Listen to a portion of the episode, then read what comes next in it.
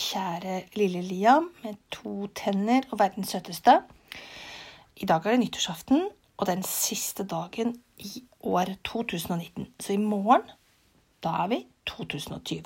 Så bestemor skal lese et kort eventyr for deg i dag som heter Den største skrønemakeren. Og det er veldig rart, for det eventyret har jeg prøvd å lese inn tre ganger. Det er det korteste av alle, og jeg gjør feil hver eneste gang.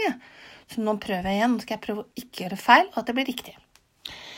Det var en gang en fattig mann som skyldte en rik mann 100 daler. Og 100 daler, det er sikkert minst 100 dollar.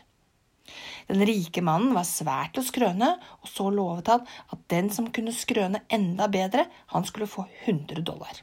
Et daler, da. Eller dollar. Den fattige mannen ville nå prøve dette. Tenk, jeg fant et gulrotgras i hagen min, det var vokst opp av 100 røtter, sa den rike mannen. Da syntes han han var veldig flink til å skrøne, da, vet du. Var det noe, da, sa den fattige mannen. Jeg hadde en gang et kålhode i hagen min.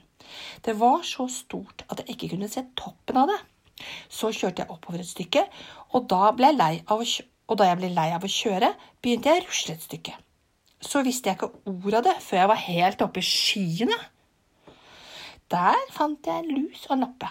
Dem flådde jeg skinna og skar opp til remmer, og så heiste jeg meg ned igjen.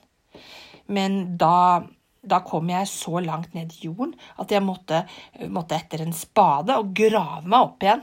Da lo den rike mannen og sa, jammen er du den beste av oss to til å skrøne, og de hundre dalene, eller dollarene, de skal du sannelig få slippe å betale meg igjen. Det var jo veldig fint, da, å gå inn i kanskje det nye året uten å skylde noen penger. Oi. Over og ut.